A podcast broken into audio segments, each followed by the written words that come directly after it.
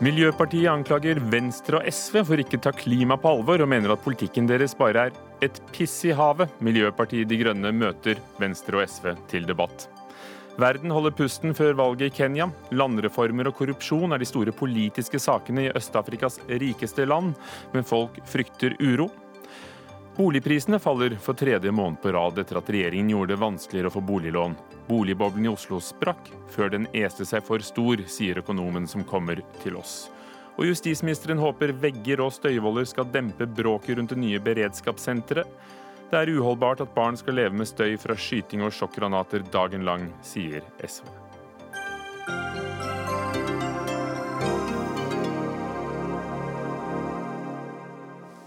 Velkommen til Dagsnytt 18 med Ugo Fermariello. Først til krangelen om hvem som har størst troverdighet som miljøparti i Norge. I helgen kom SV og Venstre med en felles appell til Erna Solberg og Jonas Gahr Støre, der de ba om at Lofoten, Vesterålen og Senja blir skjermet fra oljeutvinning. Det hele ble møtt med avmålt begeistring fra Rasmus Hansson i Miljøpartiet De Grønne. Det å verne Lofoten, Vesterålen og Senja er natur- og ressursmessig enormt viktig, men klimapolitisk er det et piss i havet. Fra Dagsnytt i dag tidlig. Kari Elisabeth Kaski, stortingskandidat for SV i Oslo. Har eh, De Grønne rett i at miljøpolitikken deres er et piss i havet? Nei, det mener jeg overhodet ikke at Miljøpartiet har rett i, og jeg syns det er uklokt, det må jeg si, og trist at Miljøpartiet bruker krefter nå fem uker før et ganske viktig stortingsvalg, der vi skal velge om vi skal fortsette med dagens regjering, eller om vi skal få en ny regjering som vi ønsker, og angripe andre miljøpartier som er enig med Miljøpartiet i sak, som ønsker å få en langt mer ambisiøs miljøpolitikk. Og når du samtidig eh, går løs på eh, seieren som vi har hatt i så mange år rundt Lofoten, Vesterålen og Senja, en kamp som har vært hard i eh, flere tiår for å sikre at det området fortsatt ikke åpna for oljevirksomhet, en kamp som har vært ført av partier, flere ulike partier, av, fisker, av fiskere, fag fagbevegelse, kirka, miljøbevegelse, som har vært veldig tøff opp mot oljeindustrien og de store oljevennlige partiene. Det syns jeg er synd, altså. Une Bastholm, nasjonal talsperson for Miljøpartiet De Grønne og førstekandidat i Oslo. Mm. Hva har dere å tjene på det som kan oppfattes som å så splid mellom dere partiene som alle liker å snakke om seg selv som miljøpartier? Ja, nei, det forsøker vi jo ikke å gjøre. Eh, noe av bakgrunnen her er jo at alle partiene var samla eh, i Lofoten. Nesten alle, i hvert fall. De som møtte opp. Eh, og vi er ganske mange partier, inkludert Miljøpartiet De Grønne, SV, Venstre, Senterpartiet og KrF, som har sagt at vi ikke vil åpne Lofoten, Vesterålen og Senja.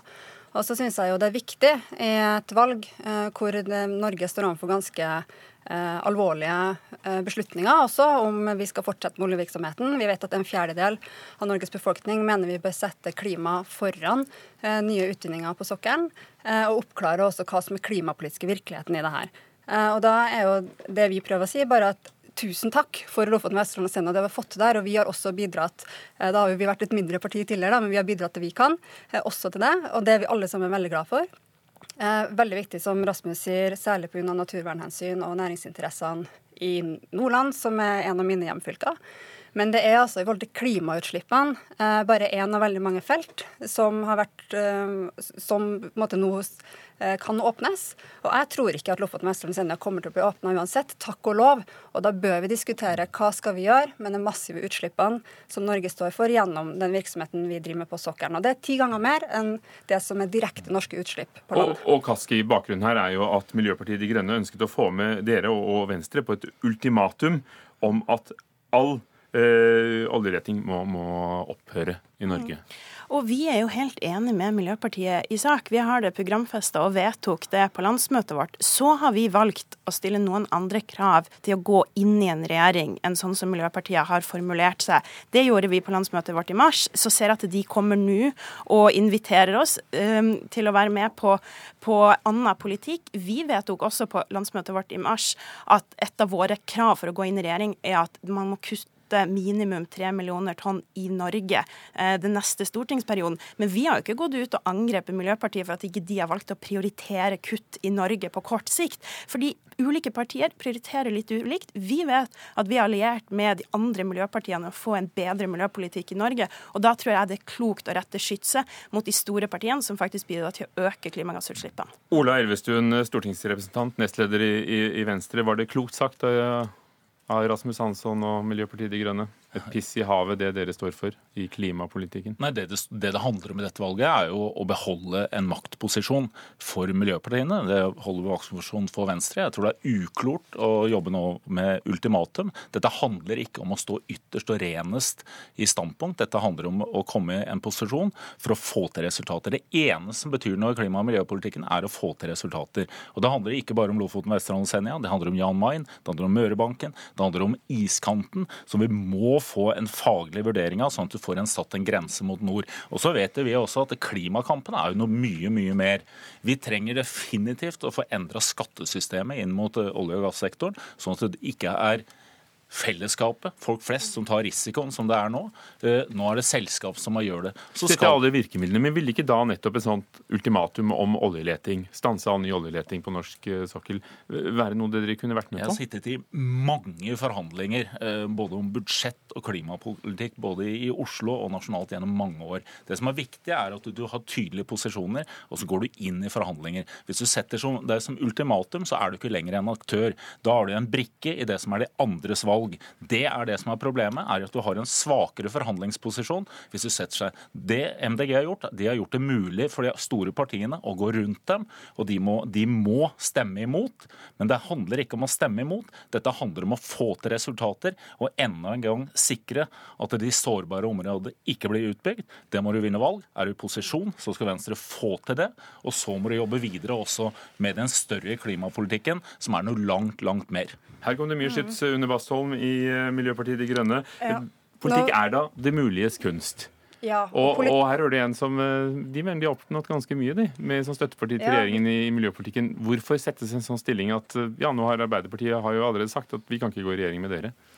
Ja, De har, sagt, de har sagt at de ikke vil gå i regjering, at de ikke vil ha en samarbeidsavtale. Men de har ikke utelukka det som Arbeiderpartiet har gjort mest av eh, etter krigen, nemlig å sitte i en mindretallsregjering som forhandler årlig om budsjetter eh, med Stortinget, og også eh, på enkeltsaker. Så det er fortsatt en mulighet. og Derfor er det fortsatt veldig viktig at velgerne stemmer på de partiene som de vil ha mer av i norsk politikk. Det er så enkelt og greit. Også, men det jeg syns er litt liksom fascinerende, er jo at siden vi kom med det som er vårt hovedkrav Uh, og den uh, ærlige måten å kalle, si det på, er at det er også et ultimatum. For det, det er det for oss. Altså, og da er det ikke fordi det skal være strategisk smart eller uh, fordi vi skal være tøffe i trynet. Det er rett og slett fordi at for oss så handler det om vår integritet. for meg og Rasmus så er det uansett som er den andre talspersonen, den andre politiske lederen for Miljøpartiet De Grønne, så er det uansett uaktuelt i 2017 å være med å bidra til at vi åpner nye felt på norsk sokkel i neste fireårsperioden. For det gjør at vi åpner opp for nye nye investeringer på det som er absolutte største utfordringer for norsk utslipp. Men blir det beste det godes fiende i, ved å stille et sånt ultimatum? Nei, på ingen måte. fordi Hadde vi alle tre partiene eh, hatt så tydelige krav, så hadde jo det måttet blitt norsk politikk. Eh, noe av utfordringa her er jo at ingen av oss tre er stor nok hver for oss. Eh, da burde vi ha samla oss om det som vi vet at står for de største utslippene. Og som sagt, akkurat Eh, utslippene fra sokkelen står for ti ganger så mye som alle andre utslipp vi kan sitte her og diskutere at vi vil kutte, som er de uh, norske utslippene, de direkte utslippene. Eh, og Der er vi jo enige om elektrifisering av kysten, og om CCS, altså karbonfangst og -lagring, om kutt i landbruket og ikke minst transportsektoren. Alle de andre tingene. Alle andre tingene vi er enige om det. Men, men du kan jo ikke sette din og Rasmus Hanssons integritet over resultater i klima- og miljøpolitikken. Ja, men det er mye viktigere å drive ja, drive fram konkret politikk. og Da må du være innafor, og så må du slåss i forhold til det. Og du må passe på at du er i en forhandlingsposisjon som gjør at du også har muligheten til å ta den kampen. Og jeg mener, det har SV har vist det tidligere i forhold til Lofoten, Vesterålen, Senja. Vi har vist det, og jeg skal ikke dra hele rekka. Men hva mener Venstre om oljeutvinning utenom de sårbare områdene og Vesterålen? Jeg mener at Det er tre hoveddebatter som vi står i. Du skal ivareta eh, de sårbare områdene, de har jeg nevnt tidligere. Du må redusere utslippene under produksjon med elektrifisering, med avgasshåndtering. Og så er den store kampen, og det gjelder ikke bare miljøpartiene, det gjelder for hele Norge, at vi kan ikke ta den risikoen som vi gjør nå ved nye utbygginger, hvor jo det er fellesskapet, det er staten som tar den største risikoen. Men er det helt det imot i, Nei, i det ny oljeleting, eller er det områder hvor, hvor vi kunne utviklet også i oljesektoren? Ja, igjen, Det som er viktig, er at vi ligger i front på å redusere utslipp, og at vi tar inn over oss at i framtida så vil vi ikke vi kunne ha den oljeproduksjonen som vi har i dag. Norsk produksjon kommer til å, å gå ned. Men det er ikke helt imot er ny oljeleting. Nei, det vil være rom for at du kan ha også andre felt i framtida, men det viktigste kampen for å vinne på Stortinget handler om å ta tak i eh, skattesystemet. Det er der du setter bremsen. Det handler ikke om det er én eller to eller tre partier som står lengst ute på sida og har et renest mulig standpunkt. Dette handler om å, ta, å få til endring. Og det er en endring som folk i Finansdepartementet vil være enig i, hvor mange i finanssektoren, og du trenger ikke være miljøaktivist for å mene at staten kan ikke ta den risikoen som, de, som vi nå gjør, når vi vet at produksjonen og forbruket internasjonalt må gå dramatisk ned i tiårene framover. Kaski. Altså, det er ingen tvil om at uh, det er forskjeller mellom uh, oss som er miljøpartier. Og jeg mener at det er bra med flere miljøpartier i norsk politikk, sånn at vi sikrer at uansett hvem det er som styrer, så har vi et parti der som, som jobber for miljøet. Det tror jeg vi tjener, og miljøet tjener på på Og, sikt. og dere er da egentlig mer restriktive til eventuell ny oljeleting enn Venstre er? Ja, og jeg har sittet mange ganger i det studioet og diskutert miljøpolitikk med Ola Elvestuen og kritisert han uh, for den miljøpolitikken som det her flertallet fører, som er i dag. Men jeg mener at det som blir dumt, da, er at fem uker før valget så går Miljøpartiet ut og kritiserer oss for, uh, for Lofoten, en sak som vi har kjempa sammen om. Kritikken gikk vel på hva, hva Lofoten betyr for det store klimaregnskapet. ikke, ikke, naturvernet, og, og at vi har prioritert det. Og det mener jeg, liksom, jeg har lyst til å bare trekke fram hvor viktig den saken har vært. Altså, det er det ene området på norsk sokkel der oljeindustrien ikke har fått kloa, i, kloa sine i. Så er det viktig å si SV og Miljøpartiet er enige i oljepolitikken. Vi ønsker ingen nye tildelinger. Vi ønsker ikke nye felt, ikke åpne nye områder. Og vi ønsker en ny regjering. Så hvis du vil ha den politikken, så må du stemme på SV. Så kan vi kritisere hverandre og fortsette å pushe hverandre, men akkurat nå så står slaget overfor de store partiene, og det er det de vi må rette skytset vårt mot. Og de sitter jo ikke her nå, men eh, de ser i hvert fall annerledes eh, på, på oljesektoren. Bastholm. Ja, så er det noe med at verden er i endring, øh, og også norsk opinion er i endring. Og jeg er helt sikker på at hadde vi vært flere partier som hadde sagt så tydelig at selvfølgelig har Norge masse muligheter utenfor olja, og vi kan ikke bruke penger nå på å investere i mer oljevirksomhet, eh, når vi vet at det er felt som skal være i drift om 10-20-30 år, når fornybarrevolusjonen i Europa har gått enda mer videre.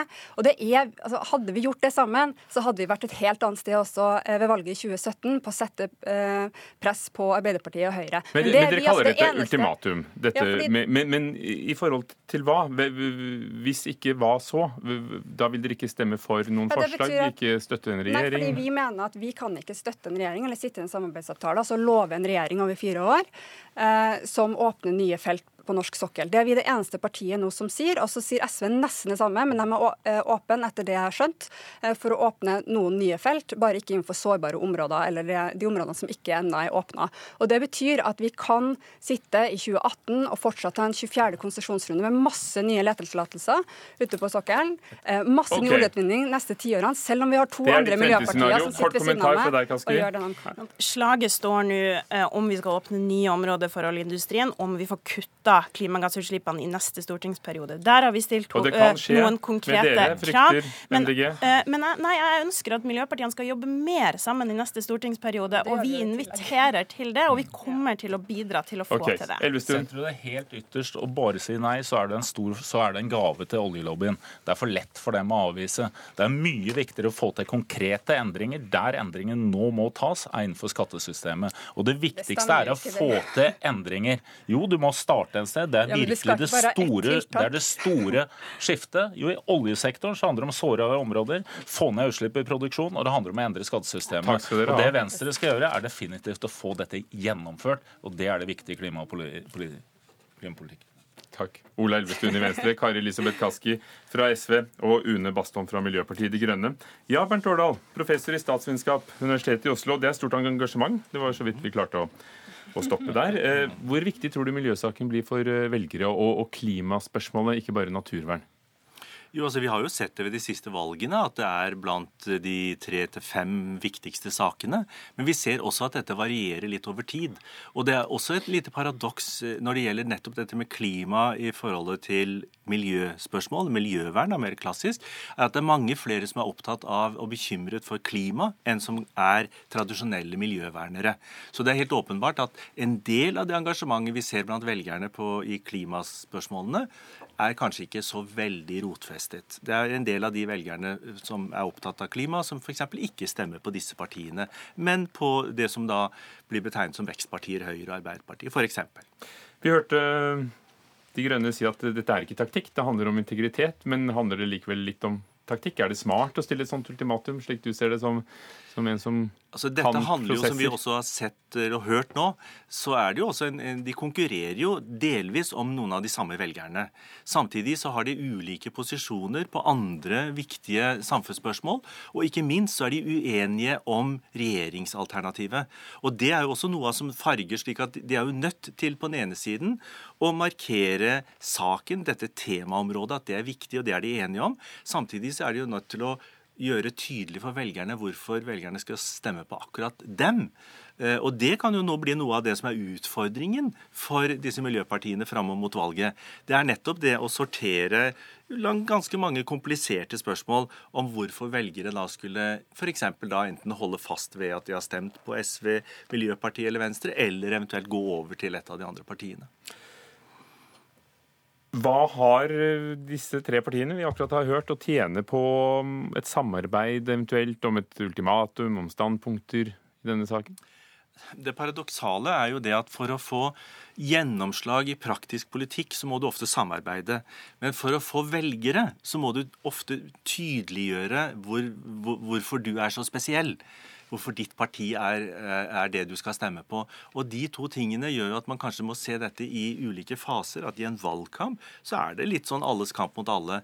Men en, når man kommer på Stortinget, og særlig hvis man skulle komme i en situasjon hvor det blir en mindretallsregjering, og hvor regjeringen vil være avhengig av støtte, så er det plutselig en annen arena hvor de da kan, kan, samarbeide. Men som jeg sa i sted, man skal være veldig klar over at de har en ulik sånn, grunnposisjon i viktige økonomiske og samfunnsmessige spørsmål, som gjør at de kanskje også vil prioritere ulikt i, etter at de kommer på Stortinget. Og som du har hørt det, vil, vil velgere klare å tydelig oppfatte forskjellene i miljøpolitikk?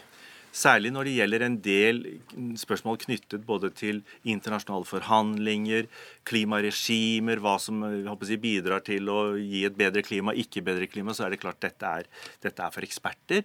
Og, og, det er samtidig en utfordring til disse partiene også, å på en måte prøve å tydeliggjøre, gjøre det ikke nødvendigvis overforenkle, men gjøre det tydelig for velgerne hva det egentlig står om. Takk skal du ha også. Bernt Årdal, professor i statsvitenskap, Universitetet i Oslo. Dagsnytt 18 alle hverdager kl 18.00 på NRK P2 og NRK2.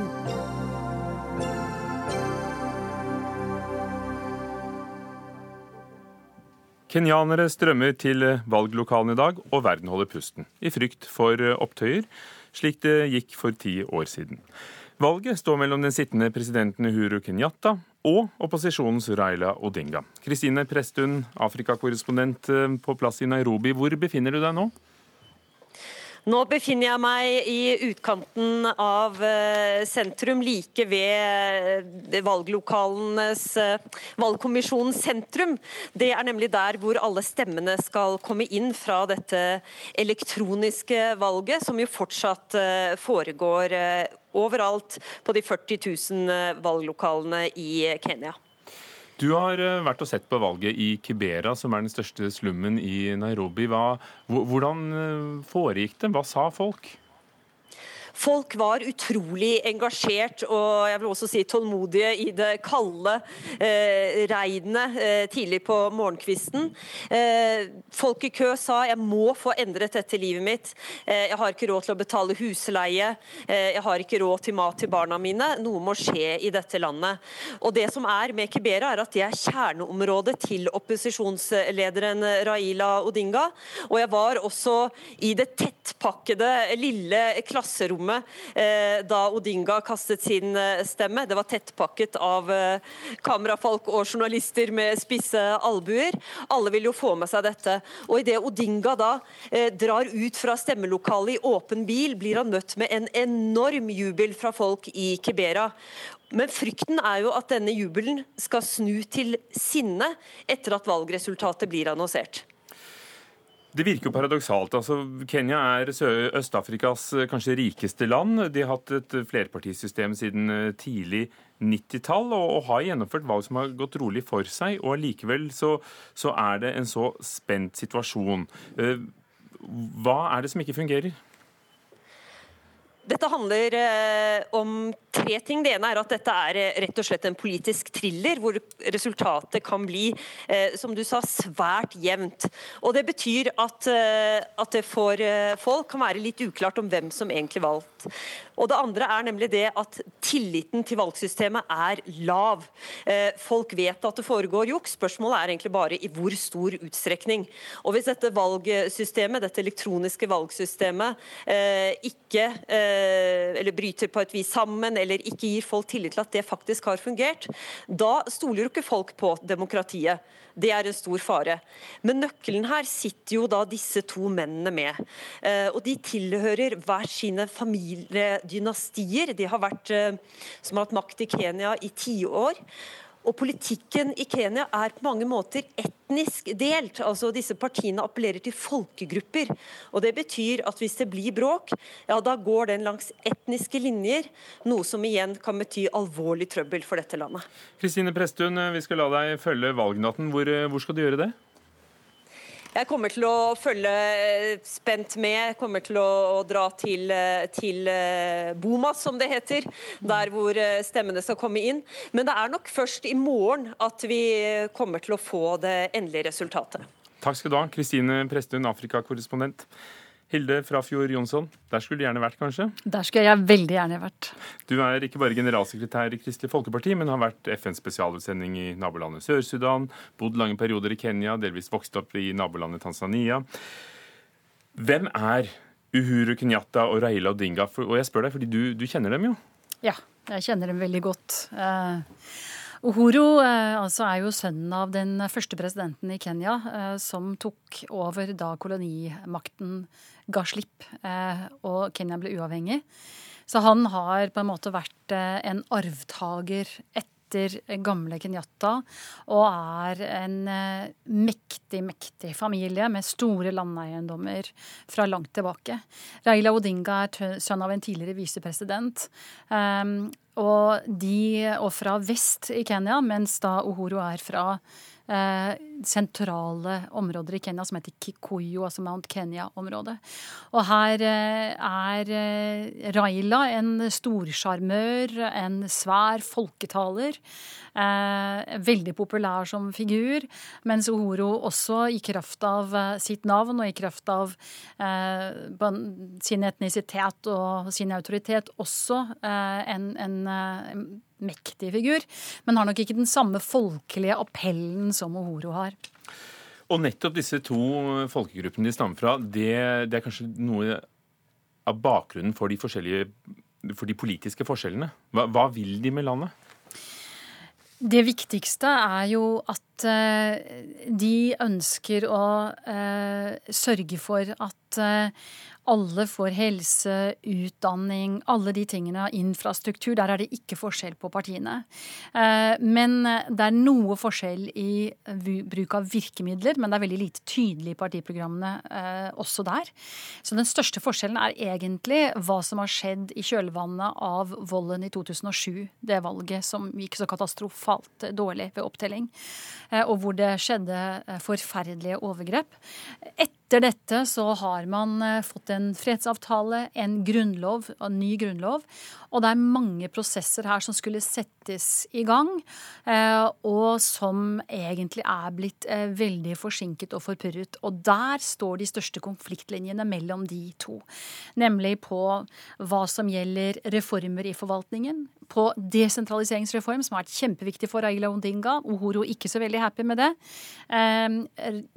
godt styresett, eh, kampen mot korrupsjon og en rekke kommisjoner som skulle settes ned. Og der er f.eks. landeiendommer en utrolig viktig ting. Fordeling av jord, en stor konfliktlinje i kenyansk politikk. Så det er dette det går på mer enn disse ideologiske høyre-venstre-forskjellene som vi ofte ser i Norge. For Kenyatta er jo selv en stor eh, eiendomsbesitter og, og, forsvarer disse interessene. Men har du noe tro på at uh, Raila Odinga ville klare å, å røske opp i, i dette og, og, sette ned sånne skal vi kalle det sannhetskommisjoner, da, som går gjennom hvem som skal eie, eie land rettmessig? Den politiske eliten i Kenya har nok sin begrensning til å gjennomføre store reformer uansett. Eh, jeg tror nok at eh, Raila har større interesser av det nettopp fordi de han representerer, ønsker å se reformer gjennomført.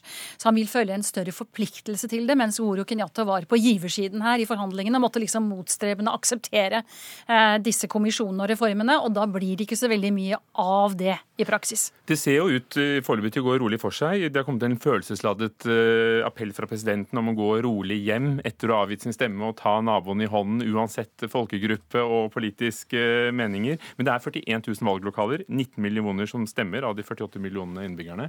Ehm, det kaster jo en skygge over valget at eh, sjefen for hele dette elektroniske stemmesystemet ble funnet torturert og drept i forrige uke. Ja. Og de fleste er nok enige nå på ryktebørsen her at dette var et politisk mord. Og mange mener nok at eh, noen står bak dette, som ønsket at han skulle gjennomføre eh, Være med på eh, irregulære eh, ting i forbindelse med opptellingen av valget. Og selv om det er rolig i dag, så var det også rolig i 2007, på valgdagen. Det samme var i 2013. Det er når opptellingen skjer, og når man skal samle stemmene og konsolidere hva som er resultatet, det er da eh, vi får den store prøven om disse to eh, nå kan være lojal mot et valgresultat. At det ikke har skjedd fusk, eh, og at eh, man har såpass stor tro på det at det ikke skjer opprør etterpå. Det er den store prøven, og det vet vi ikke noe om. Per i dag. Og Det er jo hele seks valg. Nasjonalforsamlingen, senat, 47 fylkesforsamlinger. Men det er tross alt presidentvalget alle er opptatt av. Er det det som betyr mest for landet? Det er den store mannen vet du, dette valget dreier seg om. Det er veldig mye mer strid om lokalvalget enn det var før. Og om å få være ordfører eller fylkesordfører og, og sitte i fylkestinget, da, hvis vi skal bruke norske paralleller. Det er det mye mer strid om enn før. Det er bra. Det er knyttet til desentraliseringen som har skjedd, hvor mer makt har kommet til eh, det lokale nivået. Men fortsatt altfor lite, ifølge Raila Odinga. Men det er til syvende og sist et spørsmål om hvilken president som skal sitte med makten. Og der har etnisitet en god del å si. Folk ønsker sin mann i den stolen. Eh, og så er det ganske mye rå makt bak kulissene her, som vi har sett eh, virkelig utspille seg i de to tidligere valgene. Og vi får inderlig håpe at ikke dette skjer igjen, det som skjedde i 2007.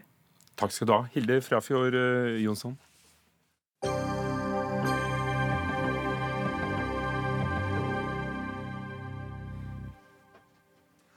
I oktober bestemte regjeringen at det nye nasjonale beredskapssenteret skal bygges på Taraldrud i Ski kommune. Senteret skal stå ferdig i 2020, men lokalbefolkningen frykter at støy fra helikoptre og skytebanene vil ødelegge hverdagen til barnehagebarn og skolebarn i nærheten. Nå prøver regjeringen å dempe gemyttene med flere støydempende tiltak, som ble presentert på en pressekonferanse i dag. Det er snakk om støyvoller, tak over skyteplassene og, og Pål Sjøvald, talsmann for aksjonsgruppen Stopp støyen. Er dere fornøyd med forslagene som er kommet? Først vil jeg kort si at vi er jo et FAU som har fått et engasjement, og det er viktig at vi passer på barna våre. Det står fortsatt veldig klart i planen. Altså et foreldreutvalg ved, ved den lokale skolen som ligger rundt 700 meter unna dette beredskapssenteret. Ja, vår skole er jo den som er minst utsatt. Så vi har jo ca. 4000 barn og barnehagebarn som bor i, i veldig tett rundt dette senteret. Eh, det står fortsatt i den nye planen at eh, støy vil ha negativ innvirkning på store friluftsområder, og vil ha særskilt negativ påvirkning på barn og unges bruk av områdene på dagtid. Og Det er det vi forholder oss til fortsatt. Så hva vil dere? Vi vil fortsatt, eh, ettersom Vi er for Taraldrud fra dag én. Så er vi veldig opptatt av at de bygger inn skytestøyen og flytter mesteparten av helikopterstøyen bort, sånn at vi kan få et senter som er støyfritt, ettersom de har lagt det så nært. Og så er det helikoptrene, da. Du får ikke bygd inn dem. Nei, så de har jo vi valgt uh, å flytte mesteparten til Rygge. Vi er veldig opptatt av Nå blir det skyting fra syv til syv.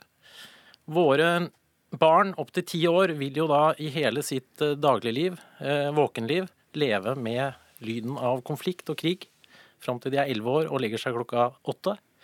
Og det er vi opptatt av. Nå hadde vi besøk av, av prosjektlederen for dette her sist gang vi diskuterte Dagsnytt 18, som sammenlignet altså støyen til, med duren fra en vaskemaskin. Altså lavere enn duren fra en vaskemaskin, og godt innenfor nasjonale retningslinjer. Det er i hvert fall påstanden. Han har jo nevnt lyden av, av barn som leker, og oppvaskmaskin og hvitevarer. Og Hvis desibelgrensen er, er, innenfor, spiller det da noen rolle hva det kommer fra? Det vi inviterer justis til, er at de kommer ut i Oppegård og viser folket den lyden som de snakker om. Så kan vi stå rundt på skolene, og så kan vi høre den lyden av duren av kjøleskap eller hvitevarer eller hva han vil. Så vi ønsker justis velkommen til det. Nå skal dette forslaget til reguleringsplanen, hvor disse nye tiltakene da eh, er bakt inn, sendes til Kommunal- og moderniseringsdepartementet, så skal det til Stortinget. Hva håper du på? Dere har jo fått med dere fylkespolitikere og, og lokalpolitikere fra, fra, mange partier, men, men hva håper du kan skje? Hvilken følelse med virkeligheten har du her? Nei, Vi har vært veldig konstruktive. Vi har snakka med POD i går, har, eller Politidirektoratet, som er politiet som skal bruke dette. Vi har snakka med justis og har tett uh, prøver å finne konstruktive løsninger. Og Sanner, det viktigste nå er at den planen som ligger nå, at vi vet de eksakte tallene. Så om det ikke blir innbygging da, så vet kommunen hvordan de skal måle, måle dette når det kommer i bruk. Hvordan har du opplevd kommunikasjonen med departementet i denne saken? Nei, jeg kan referere til eh, eieren av prosjektet, som er ekspedisjonssjefen i Justis. Og det er, eh, som han sa, karakteren stryk. Takk skal du ha. Pål Sjøvald, som altså talsmann for Stopp støyen og med i FAU-utvalget ved Taraldrud. Nå skal vi få inn politikerne på banen, og så kan vi gjøre oss opp en realitetsvurdering for hvordan dette vil eh, påvirke. Per-Willy Amundsen, justis- og beredskapsminister, eh, er på vei eh, inn i studio her. Disse tiltakene handler altså om tak, støyvoller, tidsbegrensninger. Per-Willy Amundsen, har dere lyttet nok til lokalbefolkningen, fordi mm, de er ikke fornøyd? La meg understreke viktigheten av eh, etablering av eh, politiets nasjonale beredskapssenter. Gjør det like godt først vi, som sist. Ja. Vi, det er også en grunn til at vi etablerer dette senteret. Eh, det er erfaringen etter 22.07. Det handler om vår evne som nasjon til å ta vare på sikkerheten i samfunnet. Det handler om vår evne til å stoppe, bekjempe terror på norsk jord. Dette er spydspissen eh, i eh, beredskapen eh, i fredstid.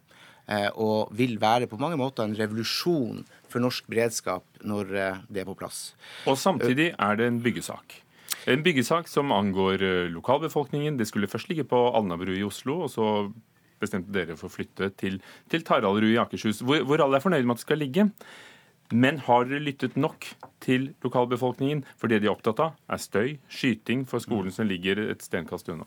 Jeg har selvfølgelig stor forståelse for at eh, innbyggerne eh, kjenner på usikkerhet når vi skal etablere beredskapssenteret. Det vil eh, selvfølgelig være sånn i denne type plansaker som i andre plansaker at det vil være motstandere. Det vil være noen som kanskje ser det verst tenkelige scenarioet.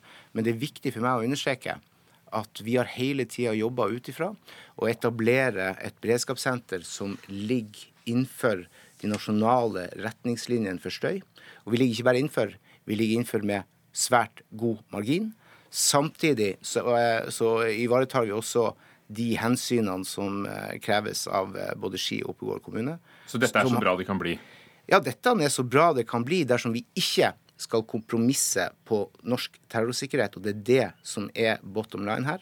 Noen tiltak kan vi rett og slett ikke gjennomføre, for det vil i så fall bety at vi ikke etablerer et beredskapssenter med de kvalitetene vi trenger for å kunne være godt rusta for å bekjempe terror på norsk jord. Det vil gå utover responstida. Hva er det de kan gjøre, da, av det som de ja, altså, krever? Altså, la oss ta dette med helikoptrene. Skal du flytte helikoptrene til Rygge, eh, som er et av de kravene som har vært fremsatt, eh, det sier jeg er helt uaktuelt. Det kommer vi aldri til å gjøre. Og det er rett og slett fordi at det vil øke responstida i en eh, skarp situasjon. Hvis det skjer en terrorhendelse, så vil det ta flere minutter enn nødvendig for å kunne få på plass skarp innsats for å stoppe terrorhendelsen. Det er ikke akseptabelt. Som justis- og beredskapsminister har jeg ansvaret for sikkerheten i fredstid, og da vil ikke jeg kompromisse med den type forhold.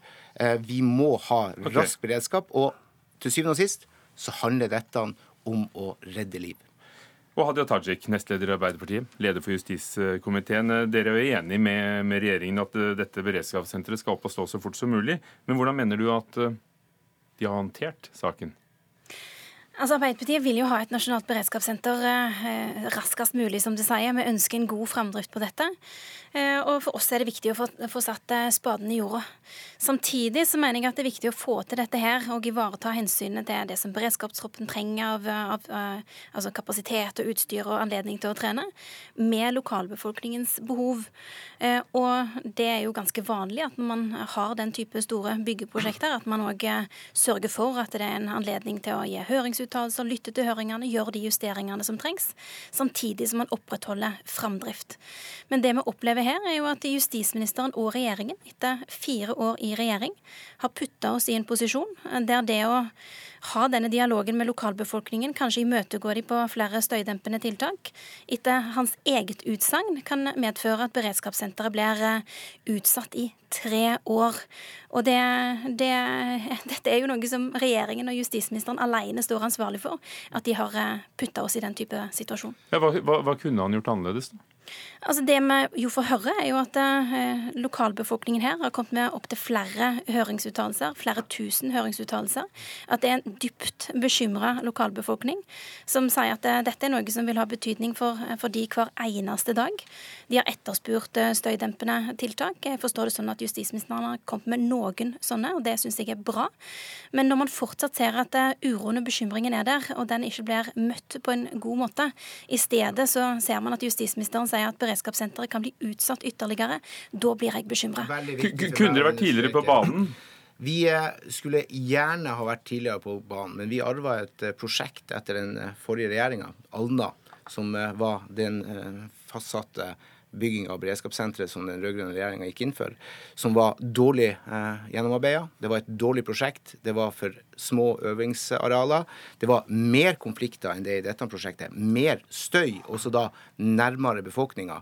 Et Men, helt ubrukelig prosjekt som måtte skrinlegges. Så er det sånn at da, når vi måtte skrinlegge det fordi at den forrige regjeringa ikke gjorde jobben sin, så dro vi i gang eh, dette prosjektet, som eh, jeg vil si er et særdeles bra prosjekt, som leverer på tid som leverer på pris, som blir et eh, særdeles godt beredskapsprosjekt som vil sette Norge i en langt bedre eh, beredskapssituasjon enn vi har vært i noen gang tidligere. Og så er det ikke riktig det som fremsettes her. Det er litt sånn vanskelig å forholde seg til Arbeiderpartiet. For man vil jo ikke, man vil jo ikke på en måte, men Dette er viktig programmet. Det er jo ikke sånn at, at Arbeiderpartiet kan, kan være både for og imot samtidig. Den kritikken som fremsettes her mot prosessen, for det er jo typisk det Arbeiderpartiet kommer med når de ikke vil gi noe klar mening. Det kom jo også fra lokalbefolkningen bare var én måneds høringsfrist. Er det viktig for meg å understreke at uh, vi har fulgt ordinære prosesser sånn som det er naturlig å gjøre i forbindelse med en statlig plan. Vi har hatt høringer. Har vært, vi har fått inn 1200 høringssvar. De blir gjennomarbeida, og de har også vært grunnlag for det videre planarbeidet. Vi har vært gjennomført okay. møter med lokalbefolkningen. Jeg, jeg tror, du fikk poenget der. Altså, det, det er Dette er prosessen. De har, de har fått høringsuttalelsene, de, de har bare tatt andre valg. Høsten 2014 så sa Frp eh, sin justisminister eh, i sine egne dokumenter at eh, gjeldende byggeprogram for beredskapssenteret kunne bygges på Alnabru. Så har Høyre og Fremskrittspartiet likevel valgt å gå videre på Taraldrud i stedet. Det er greit. Da har de tatt det valget. De har valgt dette. De har putta oss i denne situasjonen der vi er nødt til å velge mellom framdrift på beredskapssenteret eller skyte, skytelyder i skolegårdene i lokalbefolkningen. Dette er faktum, justisminister. Men altså, de har fulgt prosessene. Det er ikke riktig. Altså, det er jo ikke sånn at Det står Men, men, men Amundsen, i deres statsbudsjett høsten 2014, side 82 bla opp der. Der står det at man kan bygge på Alnabru. Og jeg har ikke tenkt å sitte her og nå si at Ja, for nå, man nå bør flytte Taraldrud. Ja, for Poenget mitt er at de har valgt et annet, eh, en annen tomt enn det de kunne. De har med andre ord utsatt framdriften på dette beredskapssenteret. Hadde man valgt Alnabru, sånn som de sjøl sier at var mulig, så kunne man satt spaden i jorda nå. Okay, nå har han putta oss i en situasjon der eh, man risikerer at det blir ytterligere utsatt. Mm. Det er det som uroer meg. i den situasjonen så sier han at vi har fulgt prosessene. Ja, men, men det er viktig for meg å Eh, Et understreke øyeblikk. Det, understrek etterpå. Nicholas Wilkinson, du kjenner dette området fordi du er førstekandidat for eh, Akershus og SV og kommer fra Oppegård selv. Eh, Hvordan tror du at hverdagen vil eh, påvirke ungene på en sånn måte at du er misfornøyd med regjeringen? Ja, for Dette er ikke bra nok. Jeg har vært på infomøte i dag hvor det sies helt entydig fra Justisdepartementet at barna i Oppegård vil vokse opp med skytelyder i skolegården. Det er sjokkgranater som vil ha støynivåer som er helt uakseptable. Og Lavere enn duren fra en vaskemaskin, ifølge prosjektleder. men min vaskemaskin skyter ikke. Altså, Det er helt forskjellig å ha skuddstøy over skolegården og det å ha en vaskemaskin. Og da synes jeg Det er viktig å si en ting her, for Justisministeren prøver å få det til å høres ut som noen er mot senteret. Vi er alle for at det skal bygges et beredskapssenter på Taraldrud. Vi vil at det skal bygges så fort som mulig. Men når du bygger noen få hundre meter unna 4000 barn, så er du nødt til å dempe støyen godt nok. Og det er ikke godt nok når barna i min gate, i mitt nabolag, skal vokse opp med tusenvis av skudd Nå har det vært foretatt målinger, og, og, og prosessene, sier Amundsen, er fulgt. Det har vært ute på høring. Hvorfor er det ikke godt nok? Fordi de har ikke lyttet til høringssvarene. Men er det naboene som alltid skal bestemme hvordan en statlig beredskapssenter skal se ut? Nei, det er det ikke. Og Derfor har jo også naboene vært helt tydelige på at selv om de kanskje ønsket noe annet, et annet senter, så har de vært helt tydelige på at alle ønsker at dette senteret skal bygges, og det skal bygges så fort som mulig. Men vi kan ikke godta, som kommunelegen i Oppegård sier, at små barn ikke lenger engang kan sove ute i barnehagen fordi skytelydene blir så høye. Amundsen, kunne ikke, du sier, vi, Helikoptrene kunne ikke flyttes til Rygge av beredskapshensyn, men kunne ikke skytebanene vært bygd inn? Nei. Og det handler om at vi skal ha realistiske øvingsforhold. Det er altså sånn at uh, det er ingen som kan garantere for at eh, terrorhendelser skjer innendørs. Eh, det kan fort skje terrorhendelser ute i eh, lende. Og da må vi også øve våre fremste spydspiss, våre fremste ressurser, beredskapstroppen, i å kunne håndtere det i vær og vind. Derfor trenger vi realistiske øvingsforhold, og vi må ha samling av kapasitetene. Det er der styrken en av de fremste styrkene ligger i det nasjonale beredskapssenteret. Og så må jeg korrigere, for det er altså ikke riktig. Det lar seg ikke kombinere de to tingene som disse to sitter og later som går an å kombinere. Det går ikke an å få et beredskapssenter som inneholder de kvalitetene, som den, eh, gir den responstida som vi ønsker, med de kravene som fremsettes her. Det er rett og slett umulig. feil? Nei, tomta er korrekt. Den er riktig plassert. Det handler om avstand til hovedstaden. Men eh, det er altså sånn at vi ville aldri kunne få et beredskapssenter som har en sånn nærhet til hovedstaden uten at noen totalt ikke blir berørt. Det var også tilfellet på Alna. Alna var konfliktnivået mye høyere. Der var også uh, skoler nærmere plassert. Så her her må man på en måte ta et realistisk tilnærming. Det er sånn at etablering av nasjonalt beredskapssenter er en nasjonal viktig oppgave.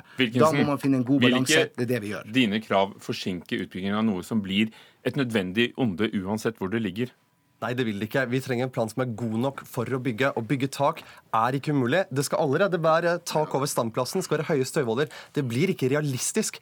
Det vi trenger da, er jo et ordentlig væranlegg som gjør at du kan simulere. Men Lytta du til de, den informasjonen du fikk i dag? Ja, og dette og hva her sa er jo politiet sjøl? Politiet sa at de ikke ønsker dette primært. Men det er jo helt tydelig at det vi trenger hvis du skal ha et senter så nære barna, så kan du ikke ha det sånn at det høres skytelyder inn over skolegårdene, inn over barnehagene til 4000 barn. Altså, Ok, Hadia Tajik, tenk om dere arvet denne saken i en ny regjering eventuelt etter valget. Kan du gi noe garanti til naboene og lokalbefolkningen at, at dere vil endre det, og dermed forsinke det enda mer? Det ligger jo dessverre an til, holdt på å eller dessverre og heldigvis, eh, at eh, vi Og dette må jeg si på riktig måte, programleder. Det kan jo hende at vi overtar dette fordi vi kommer i regjering. Det vil være bra. Det som er uheldig, det er at vi risikerer å arve en tomt som er uegnet. Et konsept som er svært kontroversielt. Som har skapt mye diskusjon. Eh, Og som er prega av et dårlig håndverk fra justisministeren sin side. I praksis vil det bety at vi vil kjøre på, sørge for å få framdrift, men vi vil møte lokalbefolkningen med det som er mulig av støydempende tiltak. Men er det svært kontroversielt, eller er det bare støyen som er Nei, altså, dette er ikke kontroversielt i det hele tatt. Vi har en rekke, vi har en rekke øvingsforhold, vi har en rekke uh, skytebaner i dette landet hvor konflikten støymessig er langt høyere enn det er her. Det må man også ta inn over seg, også i dette samme fylket. Så her, her krisemaksimerer man en, en problemstilling som ikke er reell, så har jeg forståelse for at støygruppa har har noen 1000 motforestillinger her. Men jeg, Med denne Kjenner justisministeren til den type så tror jeg vi avslutter. Hvis jeg kan få lov å snakke ferdig, så er det altså sånn at de politikerne nå som stiller seg bak disse kravene, de må også ta ansvaret for å være med på å svekke norsk terrorberedskap. Det er realiteten. Det må dere er ta den inn over. situasjonen du Dere har må satt ta oss i, ansvar justisminister. som politikere, Du har putta oss i denne situasjonen. Det er ditt mangel på lederskap, ditt mangel på håndverk som har putta oss i en situasjon der vi er nødt til å velge mellom å svekke fremdriften eller putte unger i en situasjon der de må høre skyting i skolegården dag. måte. Her, dette er rett og slett en, en feilaktig beskrivelse av situasjonen. Og og så kan vi hver gjøre oss opp vår mening. Takk skal dere ha. Jeg må si takk til dere. Tusen takk skal du ha. Nicolas Wilkinson fra SV, Per-Willy Amundsen fra Fremskrittspartiet, justisminister. Hadia Tajik, nestleder i Arbeiderpartiet.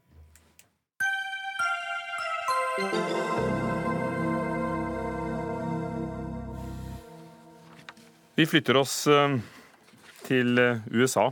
Folk i USA merker allerede klimaendringene. Bl.a. fordi temperaturen i deler av landet har steget drastisk og dramatisk siden 1980-tallet. Dette står å lese i et ferskt utkast til en rapport utarbeidet av de 13 føderale institusjonene som jobber med slikt. Forskere som har skrevet rapporter, frykter at Trump-administrasjonen kommer til å skyve konklusjonene under teppet, ifølge New York Times, for dette er lekkasjer som er kommet frem. Presidenten har jo allerede trukket USA ut av Parisavtalen og har bedt om at begrepet global oppvarming ikke brukes i offentlige dokumenter. Tove Bjørgaas, vår korrespondent i Washington DC. Hva er de viktigste konklusjonene som, eh, som har kommet ut? Det viktigste som står i den rapporten, det er at klimaet i USA, altså her i landet, er blitt varmere de siste 40 årene. At temperaturen ikke har steget så mye som det har gjort de siste tiårene på 1500 år, står det i rapporten. Og eh, disse forskerne som har skrevet den rapporten, de skriver også at minst halvparten av den temperaturøkningen som har vært, eh, kan tilskrives menneskelig aktivitet. Og denne Climate Science Special Report er jo da utarbeidet av virkelig toppinstitusjonene i, i USA på dette, men har da ikke vært innom presidentkontoret ennå. Hvordan, eh, hvordan vil den bli behandlet av administrasjonen, tror du? Det er jo det som nå bekymrer eh, klimaforskerne her eh, i landet. Dette var noe som ble satt i gang under president Obama. Og det er jo en kjent sak at, at miljøministeren til Donald Trump, Scott Pruitt, han mener selv at klimaendringene ikke er menneskeskapte. Eh, Og Washington Post har også fått tak i en e-post som har gått rundt internt i myndighetene her, der det foreslås erstatning begreper som eh, byråkrater skal bruke istedenfor å bruke ordet klimaendring, så skal man bruke ekstremvær. Og istedenfor å bruke tilpasning til klimaendring, så skal man snakke om tilpasning til ekstremvær. Altså at eh, Trump-administrasjonen ønsker at begrepet klimaendring ikke engang skal brukes i offentlige dokumenter. Men, men dette gjorde jo Bush også. Ja, det stemmer. Altså, når George W. Bush var president, så ble jo egentlig eh, Miljøverndirektoratet her, det såkalte EPA, nesten lagt brakk. Så dette er ikke noe nytt. Det viser jo bare at det er fortsatt debatt om disse spørsmålene i USA. Og at i motsetning til i mange europeiske land, så er det mange amerikanere som tviler på at det faktisk foregår menneskeskapte eh, klimaendringer. Eh, og, og, og, men der har det altså skjedd mye på global basis i løpet av de siste åtte årene. Og opinionen her er også nå på vei et annet sted og mener altså at klimaendringene har funnet sted. Og ikke minst et sted som i staten California, hvor du nettopp eh, var, der de satser på for fullt på å gjøre USA mer klimavennlig, og hvor de virkelig merker ekstremtemperaturene, som denne rapporten sier kommer til å bli mer og mer eh, vanlige. Men hvordan satser California? Jeg var i California i forrige uke og snakket bl.a. Med, med guvernør Jerry Brown, som har blitt en, en viktig stemme nå eh, for disse sakene. California det er jo verdens sjette største økonomi, så det de gjør er jo svært viktig for hele verden. Og California fortsetter å presse på bl.a. for å utvikle utslippsvennlige eller biler, og biler som ikke slipper ut noe som helst. Man jobber, Vi fikk se hydrogenbiler. Det skal komme 100, 100 fyllestasjoner for hydrogenbiler i California i løpet av bare noen år. Eh, det, det utvikles også eh, reguleringer, pusher man på, på, for, for å spesielt da forhindre at folk kjøper store biler som slipper ut mye. Og Ubers konkurrent Lyft, som driver med bildeling i California, de skal om ikke lenge begynne å bruke førerløse elbiler som taxier i USA. Dette ligger bare noen få måneder fram i tid å teste dette her. Så, så, det skjer veldig mye i dette landet. Eh, det er helt sikkert. Og, og forskere du møtte sier jo at amerikaneres liv blir påvirket allerede? Ja, og det som er interessant, Jeg var på Berkeley og snakket med forskere som har tatt noen av disse dataene bl.a. fra denne føderale rapporten og forsøkt å omsette hva de betyr for vanlige amerikanere. De hadde laget et kart som viser hvilke deler av dette landet som rammes hardest av klimaendringene. Og Naturlig nok så er det de sørlige delstatene i USA, der det allerede er varmest, som er hardest rammet. Og Der eh, hadde disse forskerne da laget en statistikk hvor de mente de kunne vise hvordan f.eks. kriminaliteten øker når det blir varmere. hvordan hvordan arbeidsledigheten øker når det blir varmere, og helsetilstanden til folk blir dårligere. Eh, og, og, dette sa de til meg at de har fått mange positive reaksjoner på, også fra tradisjonelt republikanske delstater i, i sør, fordi folk nå merker at, eh, at, det rett og slett blir varmere. Nå er det jo sommer her, også her i Washington hvor jeg er, hvor vi ofte sliter med oppimot 40 grader og høy luftfuktighet. Og litt varmere da, det betyr ganske mye for folk. Så, så, så som en forsker sa på TV her i dag, å snakke om isbjørner og, og issmelting, det, det, det, når kanskje ikke fram til vanlige amerikanere, men, men, når folk begynner å merke varmen på kroppen, da, da kan det kanskje skje noe. Takk skal du ha, Tove Bjørgaas, korrespondent eh, i USA. Så får vi se hvordan Trump reagerer på denne rapporten om eh, klimaforandringene. Dagsnytt 18 på NRK P2 og NRK2. Boligprisene faller for tredje måned på rad etter at regjeringen gjorde det vanskeligere å få boliglån, og det gjelder i hele landet. Boligboblen i Oslo sprakk før den este seg stor, sier eh, en økonom. Eh, for det er jo i Oslo at fallet er størst. Eiendom Norge kunne i forrige uke melde om at norske boliger ble 1,2% billigere i juli, og i Oslo var dette 2,8% Dette er det største fallet i juni og juli eh, i sommermånedene siden denne statistikken først kom i 2003. Jeanette Strøm Fjære, analytiker i DNB Markets. Hvorfor blir boligene billigere? Jeg tror eh, det er spesielt to ting eh, som er viktige. Det ene er jo at det kom innstramninger i eh, boliglånsforskriften gjeldende fra januar i år, som jeg tror har hatt reell innstrammende effekt på hvor mye husholdningene har å rutte med når de kjøper bolig. Blant annet har det kommet et krav om at man ikke kan låne mer enn fem ganger brutto inntekt. Og I 2014 så var det rundt 18% av boligkjøperne som brøt med dette kravet. Så nå er det nok mindre å rutte med i boligmarkedet. Men det andre er at jeg syns det er viktig å se prisfallet de tre siste månedene litt i lys av den prisoppgangen man har hatt i forkant. Gjennom 2016 så steg boligprisene veldig mye. Eh, I februar i år så hadde boligprisene steget 13% på landsbasis på et år, og 24% i Oslo. Og delvis så kunne nok den oppgangen forklares av såkalte fundamentale faktorer. Utsikter til lave rente lenge, at det gikk bedre i norsk økonomi, arbeidsledigheten begynte å falle. Og i Oslo så har man nok også vært preget av flere år med boligbygging som har vært litt lav i forhold til behovet eh, når man ser på befolkningsveksten. Men eh, prisoppgangen har nok også vært eh, selvforsterkende i den forstand at forventninger om prisoppgang i seg selv har bidratt til prisoppgangen. Eh, og da snakker jeg spesielt om Oslo. 24 eh, vekst på et år er veldig mye. Så der har man kanskje hatt noen forventninger som har bidratt til å, å på en måte støtte opp under prisoppgangen. Og det er kanskje det vi liker å kalle en boble, når det er forventninger som driver det i været? Ja, ikke sant. Jeg er ikke så glad i boblebegrepet, fordi ofte så får man ikke en definisjon med eh, når man snakker om det. Men definisjonen av en boble er jo eh, for mange at man har prisoppgang som drives av kun forventninger om videre prisoppgang, og ikke ikke bedring i fundamentale faktorer. Og Det kan godt være at noe av prisoppgangen, i, spesielt i Oslo, eh, har nok noe av dette her eh, i seg. Og Når man da får et omslag, eh, så kan man få et litt sterkere omslag enn, det man ellers ville sett. Jørgen Gudmundsson, sjeføkonom i Sparebanken Vest. Er det finansministeren og regjeringen som kan ta æren for å ha avverget en, en boligboble, kanskje? Ja, med god råd fra Norges Bank og Finanstilsynet, vil jeg merke. Det var jo de som anbefalte innstramminger i boliglånsforskriften. Så, og jeg er helt enig i det Jeanette sier. Deler av det er nok det som skjedde i Oslo i 2016, var nok drevet av fundamentale forhold. Men det er jo også en del av det som var i hvert fall boblete tendenser. Og så er det alltid vanskelig å si i sanntid om, om, det faktisk var en boble. Men det at du fikk en så brå, brått omslag i boligprisene som du, så, som du har sett i Oslo nå, det, det som, som, jeg mener er kun forklart av endringer i boligforskriften. Jeg er ganske tydelig på at uh, det var en ganske kraftig innvirkning, innvirkning derfra fra en strammere regulering.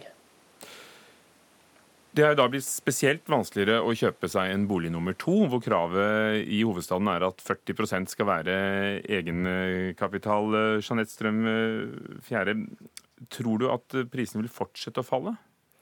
Eh, jeg tror nok at i Oslo vil vi få noen måneder til med prisfall. Eh, grunnen til at jeg tror det, er at nå er det et veldig stort antall usolgte boliger ute i bruktboligmarkedet. Over tre ganger så mye som det vi hadde eh, i fjor. Så for å få unna disse boligene, så er man nok nødt til å sette ned prisene litt videre.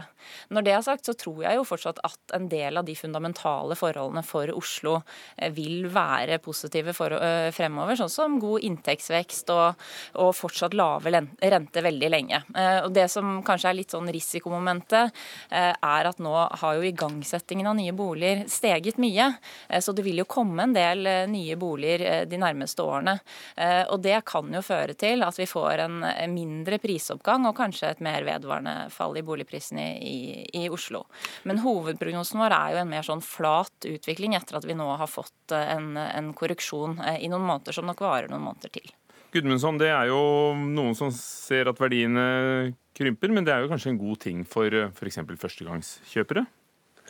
Ja, det, det, det, tror jeg absolutt. Det, altså du ser, hvis du ser på belåningsgraden, altså hvor mye gjeld en eh, førstegangskjøper, en ung kjøper i dag, eh, så har den aldri vært høyere i gjennomsnitt. Så de, det er en større og større andel som låner, må låne opptil fem ganger inntekt. Så, men det, er på en måte liksom også en naturlig konsekvens av den den, eh, den, reisen vi har hatt de siste 20 årene, hvor, hvor vi har hatt enorm inntektsvekst som nasjon. og Det er på en måte blitt eh, kommet over til husholdningene. og Vi har brukt mye av den inntektsveksten på boliger. Eh, og særlig de som var 50-60 år i, i, i 2006-2007, benytta den muligheten til å øke gjelden og, og, og, og kjøpe dyrere boliger. Og da på en måte løfta stigen litt opp under seg. i hvert fall. Så det blir jo bare dyre, har blitt en god del dyrere for førstegangskjøpere. Men, men, men vi skal også huske på at det er 6% fall i Oslo på siste, neste måned. Altså, det er jo fortsatt sånn at eh, de siste fem årene har uh,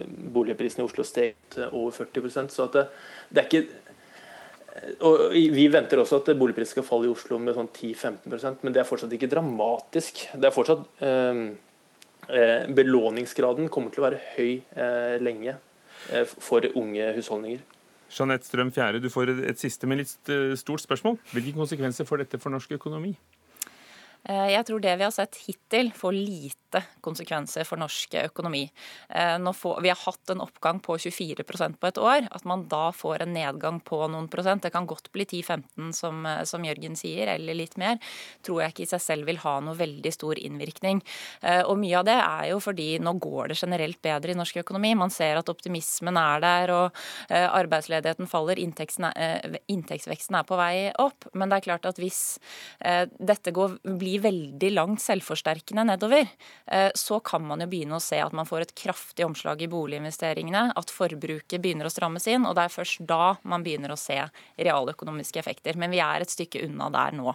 Takk skal dere ha, begge to. Jeanette Strøm Fjære, analytiker i DNB Markets, og Jørgen Gudmundsson, sjeføkonom i Sparebanken Vest. Hør Dagsnytt 18 når du vil. Radio NRK.no. I Kina fryktes 100 mennesker omkommet og flere tusen skadd i et jordskjelv i Sichuan-provinsen sør i landet. Her på tampen i Dagsnytt 18 så er du kommet inn, reporter Helge Karlsen. Eh, hva har skjedd? Hva vet vi? Nei, Dette skjedde inne i en kjent nasjonalpark i Sichuan-provinsen sentralt i Kina. Der er det natt nå, så det totale bildet har vi nok ikke før om eh, mange timer. Men eh, som du sier, fem personer er så langt bekreftet omkommet. Minst 60 er skadd, men myndighetene frykter at eh, tallet kan stige opp mot 100 døde og flere tusen skadd. Det skal ha oppholdt seg mer enn 38 000 turister inne i nasjonalparken på det tidspunktet selv ble utløst, eh, opplyser myndighetene. Og dette er da en av sakene du kan følge på NRK Nyheter utover kvelden. Det var Dagsnytt 18. Ansvarlig for sendingen var Gjermund Jappé. Erik Sandbråten hadde tekniske ansvaret. Ugo Fermariello var programleder. Takk for i dag. Música